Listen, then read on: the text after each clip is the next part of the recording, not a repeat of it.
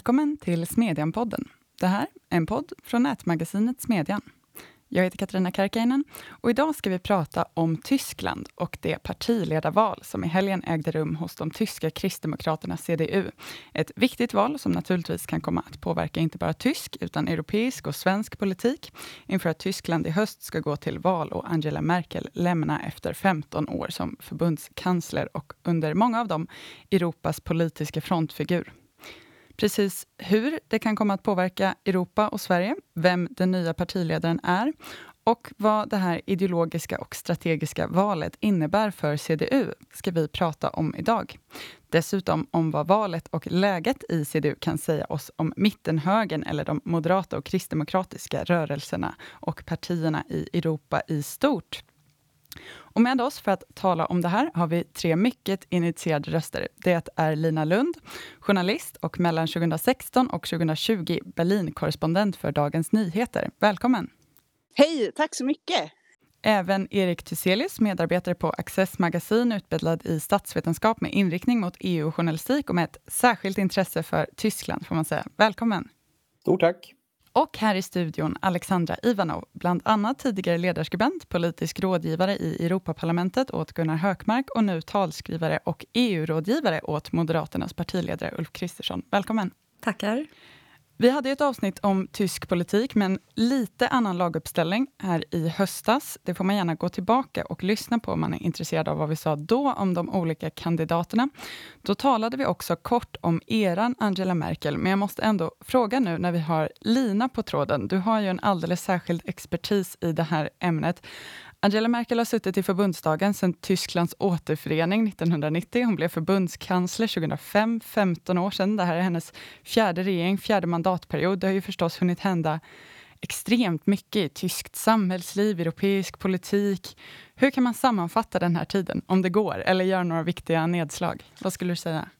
Ja, nej, men det är ju som du säger en enormt lång tid i modern politik. Hon har ju liksom präglat en hel generations politiska medvetande under sin tid eh, vid makten. Och det som eh, jag tycker är intressant med Merkel eh, på många sätt är ju att hon har vunnit val efter val på sin utsago om liksom weiter så, fortsätt som vanligt, ni känner mig, stabilitet, man ska veta vad man får när man röstar på Merkel. Eh, samtidigt som de här eh, snart faktiskt 16 åren är det hon har varit kansler har präglats av eh, en rad riktigt djupa kriser och då hon har fått kliva fram som någon sorts krisenmanager, någon som tar hand om, om eh, nya uppblossande problem.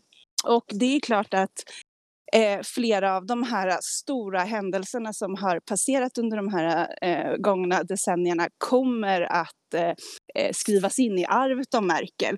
Och hon har ju eh, satt avtryck både vad gäller nedläggningen av kärnkraften, hon avskaffade värnplikten, hon banade lite motvilligt men ändå väg för samkönade äktenskap hon eh, välkomnade en miljon flyktingar till Tyskland under ett år eh, och hon har eh, drivit på eh, en Rysslandspolitik med mera, med mera. Och det får ju såklart eftervärlden avgöra vad som kommer bli Merkels stora avtryck i historien. Vi har ju sett liksom hur tidigare förbundskanslers förknippats med ett ofta ett stort projekt som har skrivits in i historieböckerna. Vi hade ju Adenauer med västinbindningen efter kriget och Willy Brandt med östpolitiken och knäfallet i Warszawa-gettot. Vi har eh, eh, Helmut Kohl, inte minst, med återföreningen och eh, enandet av Europa. Eh, och sen så nu Merkel som då har faktiskt en rad stora omvälvande politiska projekt i bagaget trots den här sloganen om Weite så, fortsätt som vanligt. Eh, det blir intressant att diskutera framöver, tycker jag. Mm. Och nu har ju då alltså en ny partiledare valts. Armin Laschet efterträder Annegret Kramp-Karrenbauer. Merkel avgick ju som partiledare 2018, men har suttit kvar som förbundskansler och valde väl i princip ut Kramp-Karrenbauer som sin efterträdare. Men hennes tid som partiledare har inte varit helt lyckad och hon har nu valt att lämna. Och till helgens stämma då så fanns tre kandidater. Armin Laschet, regeringschef i Tysklands största förbundsland, Nordrhein-Westfalen, Friedrich Merz, finansman och politiker som ställde upp i det senaste partiledarvalet, men förlorade mot Annegret Kramp-Karrenbauer och Norbert Röttgen, ordförande i förbundsdagens utrikesutskott. Vad kan vi säga om de här tre och kanske de liksom, ideologiska eller strategiska vägval som de representerade inför helgens partistämma? Eh, ja, men helgens partiledarval det har ju som man säger, skjutits upp två gånger redan på grund av coronan och skedde ju kraftigt försenat. Och det har ju i, på förhand liksom beskrivits väldigt mycket som ett riktningsval. Åt vilket håll ska det här stora partiet som har dominerat tysk politik under hela efterkrigstiden gå? Ska man välja att gå tillbaka till de mer konservativa rötterna eller fortsätta den här mittenkursen som Angela Merkel slagit in på under sina år vid makten? Och av de här tre kandidaterna så har det ju funnits då två favoriter hela tiden eh, som har stått väldigt tydligt för de två olika inriktningarna. Å ena sidan som du nämnde Friedrich Merz, finansmannen som har varit omåttligt populär bland den värdekonservativa falangen, bland många väljare i öst, bland ungdomsförbundet, bland de som önskar en återgång till det mer CDU så som man kände det när det var liksom eh, när det var Bonnrepubliken egentligen, tillbaka lite till den tiden. Å andra sidan har man då Armin Laschet som lanserat sig som den här mittenkandidaten. Han har kallats för en Angela Merkel fast i slips. Eh, och det har nu valsat runt bilder på sociala medier där man har klippt in Angela Merkels ansikte Eh, på hans kropp och där han står med den här eh, ruterformationen på sina händer som en illustration av att här har vi någon som liksom vill, vill vårda arvet efter Merkel framåt. Och det innebär ju väldigt mycket då en kurs i mitten. Att vinna väljare eh, som tidigare, som Merkel har varit väldigt skicklig på, som tidigare hade kunnat drömma om att rösta på CDU Eh, eh, och eh, att eh, vara den här liksom, tunga kraften som samlar väljare väldigt brett. Och de två har ju stått eh, mot varandra. Och det är inte första gången, utan det här, samma strid utspelades ju egentligen då 2018 när Annegret Kramp-Karrenbauer valdes och som ju också beskrevs som en fortsättning på eran Angela Merkel.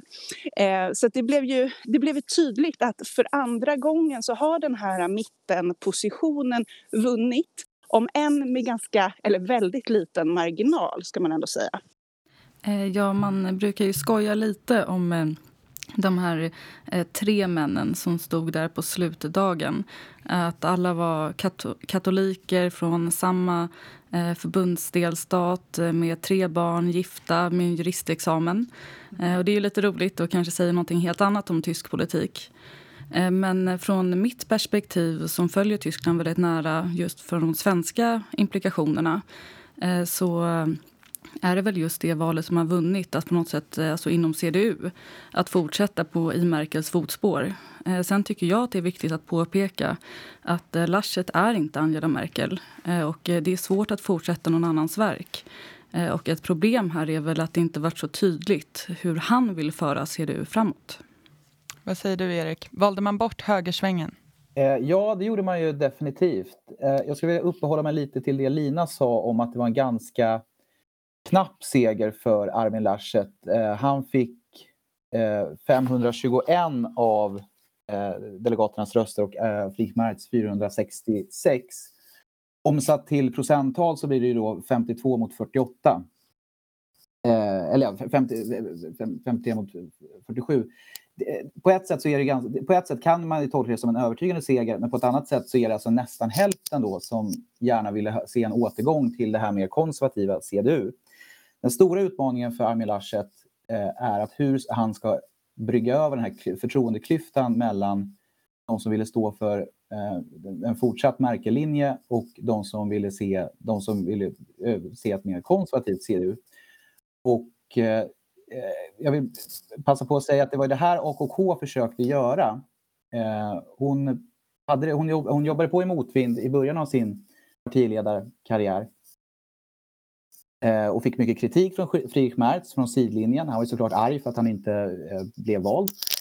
Eh, men med tiden så lade sig den där kritiken och ehm, hon tog initiativ till att diskutera migrationspolitiken och vilka fel som hade gjorts, om man hade gjort fel.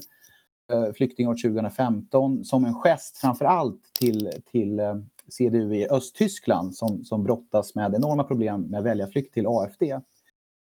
Efter att det hände så blev ju relationen mellan AKK och Merkel stadigt eh, sämre tills eh, det kom till en punkt där AKK inte kunde vara partiledare längre.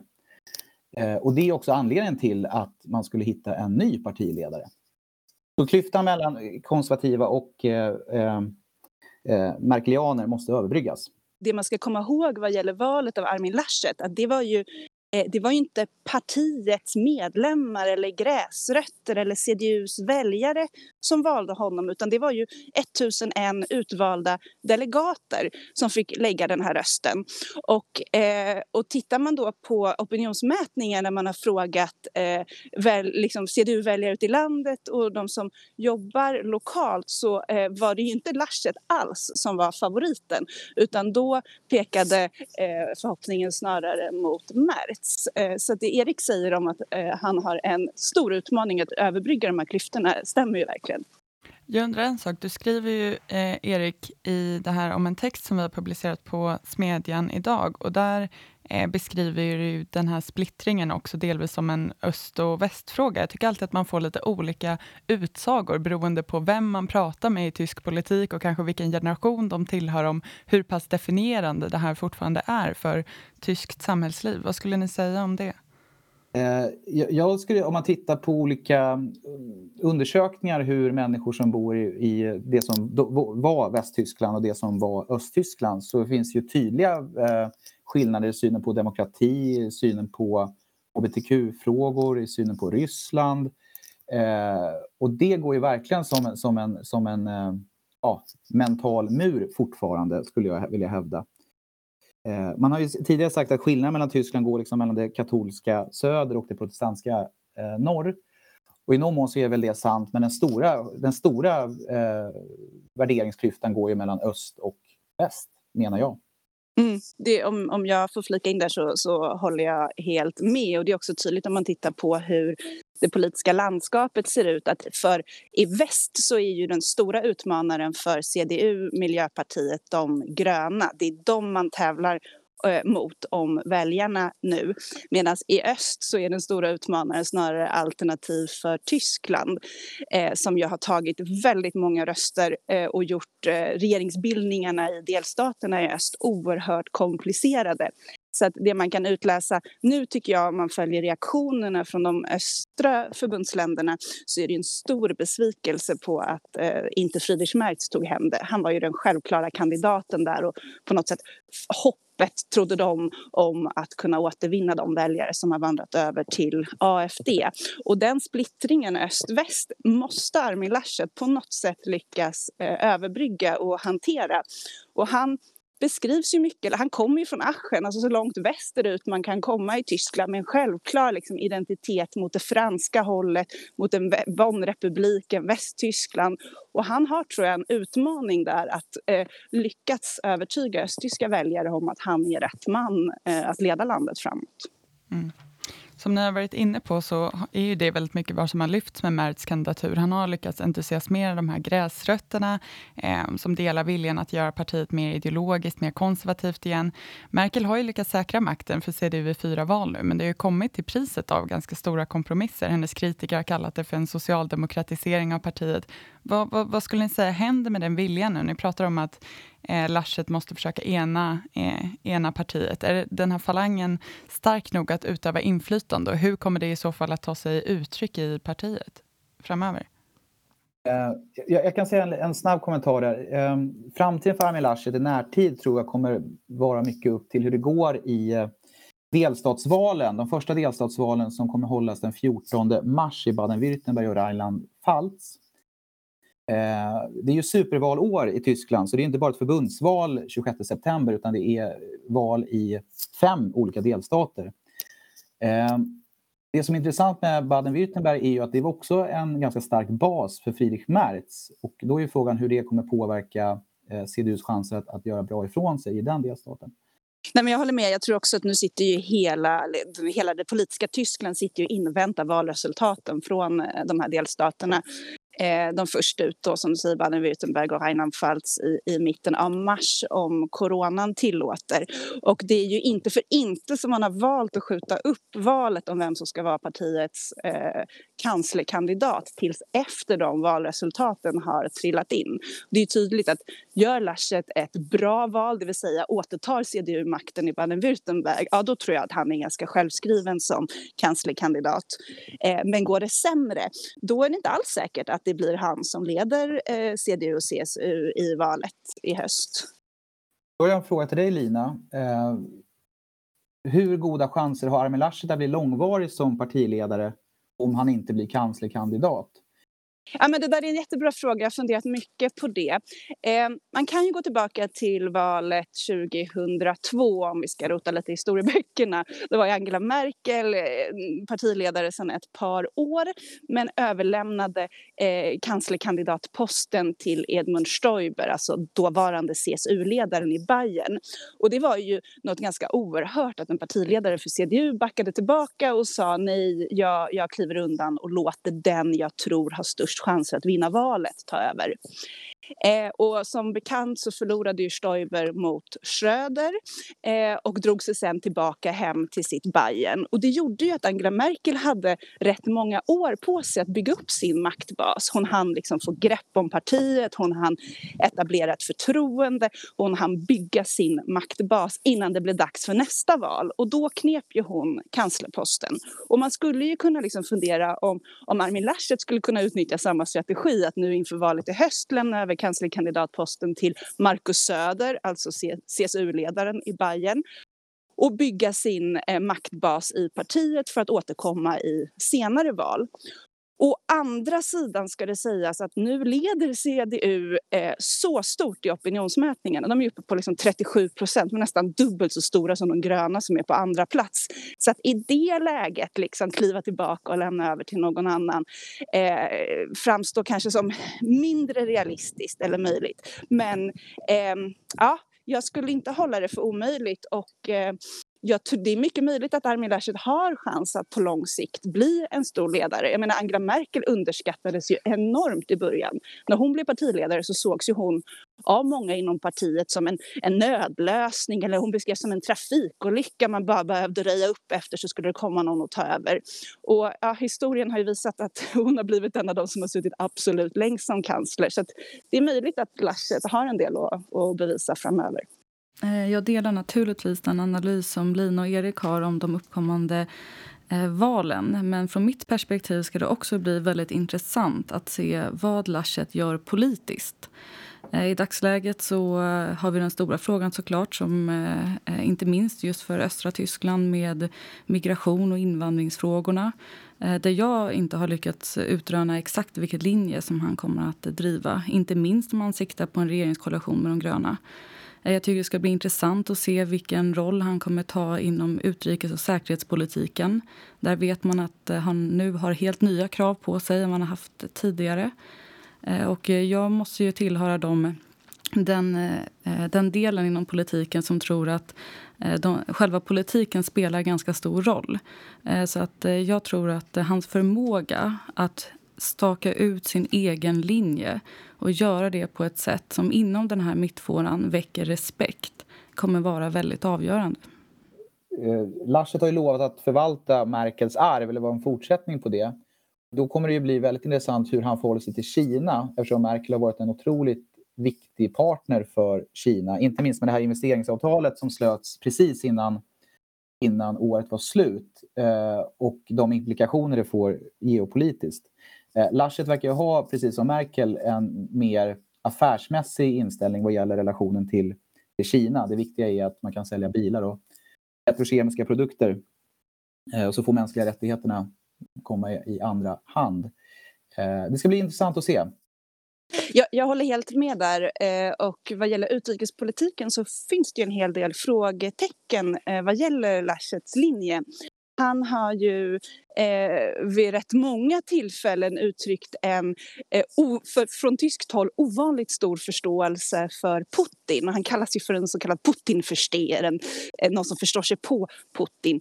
Och han har eh, vid flera tillfällen uttryckt att man ska ha, eh, inte, inte gå så hårt åt Ryssland och vad gäller det här no, eh, ryska, tyska gasäventyret Nord Stream då har inte heller han intagit någon eh, vidare liksom position. Och det där har jag sett många utrikespolitiska kommentatorer i Tyskland ha rest en del frågetecken kring det och eh, liksom, är det en position man kan ha som en kommande, eventuellt kommande tysk kansler? Det gäller också hans kommentarer i Rysslands engagemang i Syrien. Jag vet inte vad ni har sett mer där. Eh. Han, han har ju tweetat saker till favör för Assad, eller saker som tolkades som att han, han var, tyckte att Assad var den enda kraften som kunde bringa fred i, i, eh, i, i Syrien. Det här tror jag nu var ganska länge sedan han tweetade. Men likväl. Eh, han har ju också ifrågasatt, eh, han ifrågasatte också på Twitter eh, uppgifterna om att det var FSB som låg bakom eh, förgiftningen i Salisbury Eh, så han har några intressanta uttalanden eh, bakom sig vad gäller Ryssland och, eh, och eh, Syrien. Det låter inte helt hoppingivande ur eh, svenskt och europeiskt perspektiv. Det man ska komma ihåg är ju att han kommer ju... Eh, alltså Armin Laschet kommer ju tvingas anpassa sig efter europeiska strukturer också. Alltså Tyskland är ju en enormt viktig spelare i Europa, kanske den viktigaste. Eh, men han är inte, han är, alltså, beroende på vilken, om han nu blir kanslerkandidat och sen kansler, det vet vi ännu inte. Och han kommer ju, alltså systemet, så att säga, de strukturer som Tyskland är en del av kommer, kommer ju ändå på något sätt kanske lyckas moderera Laschets förmodade eh, sympatier till, till Ryssland och Kina. Det är mitt hopp i alla fall det råder liksom ingen tvekan om att Laschet är en Europavän och att han kommer driva på en, en, liksom en, en tydlig pro-europeisk kurs. Det, tro, det tror jag inte att Europavänner behöver oroa sig för framåt. Nej, det är, det är tveklöst, så, att, tveklöst så att han har drivit en Europavänlig linje. Eh, och eh, jag tror också att Erik har en väldigt god poäng eh, med att man modereras till sitt ämbete. Samtidigt ser vi ju att frågor där Europa kanske inte riktigt har tagit en tydlig väg under Merkels för det tydliga ledarskap. Det handlar ju just om Kina-politiken. I Rysslandspolitiken har blivit bättre de senaste åren. Men samtidigt ser vi ju då Nord Stream och att man talar lite där med dubbla tungor. Så att från ett svenskt perspektiv eh, så kommer det vägvalet, helt eh, oavsett Laschet eller inte, att eh, spela ganska stor roll. Kommer vi se ett EU som tar sig samman och har en mer enad linje gentemot Kina? Ser vi ett EU som tillsammans med den nya Biden-administrationen klarar, klarar av att ha en transatlantisk linje gentemot Kina? Och där tror jag att den nästa förbundskanslern kommer att spela väldigt stor roll. Eh, och jag tror absolut det finns en möjlighet att Laschet kan ta den linjen. Men här handlar det om att också klara av att lyfta hakan lite och se över eh, strikt finansiella och industriella tyska intressen. Eh, och där behöver de göra ett jobb och än så länge har jag inte sett att han nödvändigtvis kommer vara den personen som gör det jobbet och till och med driver på Frankrike snarare än att gå med Frankrike i de här frågorna. Man pratar, en viktig faktor för utrikespolitiken är ju eh, hur den framtida regeringen kommer att se ut. Och det ligger väl i korten att det kommer bli kristdemokrater som regerar tillsammans med, med de gröna. Eh, mandatmässigt så ser det ut så i alla fall i opinionen eh, för tillfället. Eh, det som är bra då är att de, de gröna har en otroligt tydlig Kina-linje, de har en väldigt tydlig Rysslandslinje och Turkiet-linje. Alltså de är, är vad man skulle kunna kalla eh, hökar i de här frågorna det, eh, det skulle tala för att Tyskland kommer att, att, att eh, ändra kurs vad gäller vissa centrala eh, teman i utrikespolitiken. Eh, en, eh, en avslutande poäng på just Europasidan eh, från mitt perspektiv det handlar just om samarbetet mellan Tyskland och Frankrike. Och där finns det ju mycket som visar att det kommer krävas i den, i den nya Europeiska unionen efter Storbritannien ett ännu tydligare just tyst-franskt ledarskap.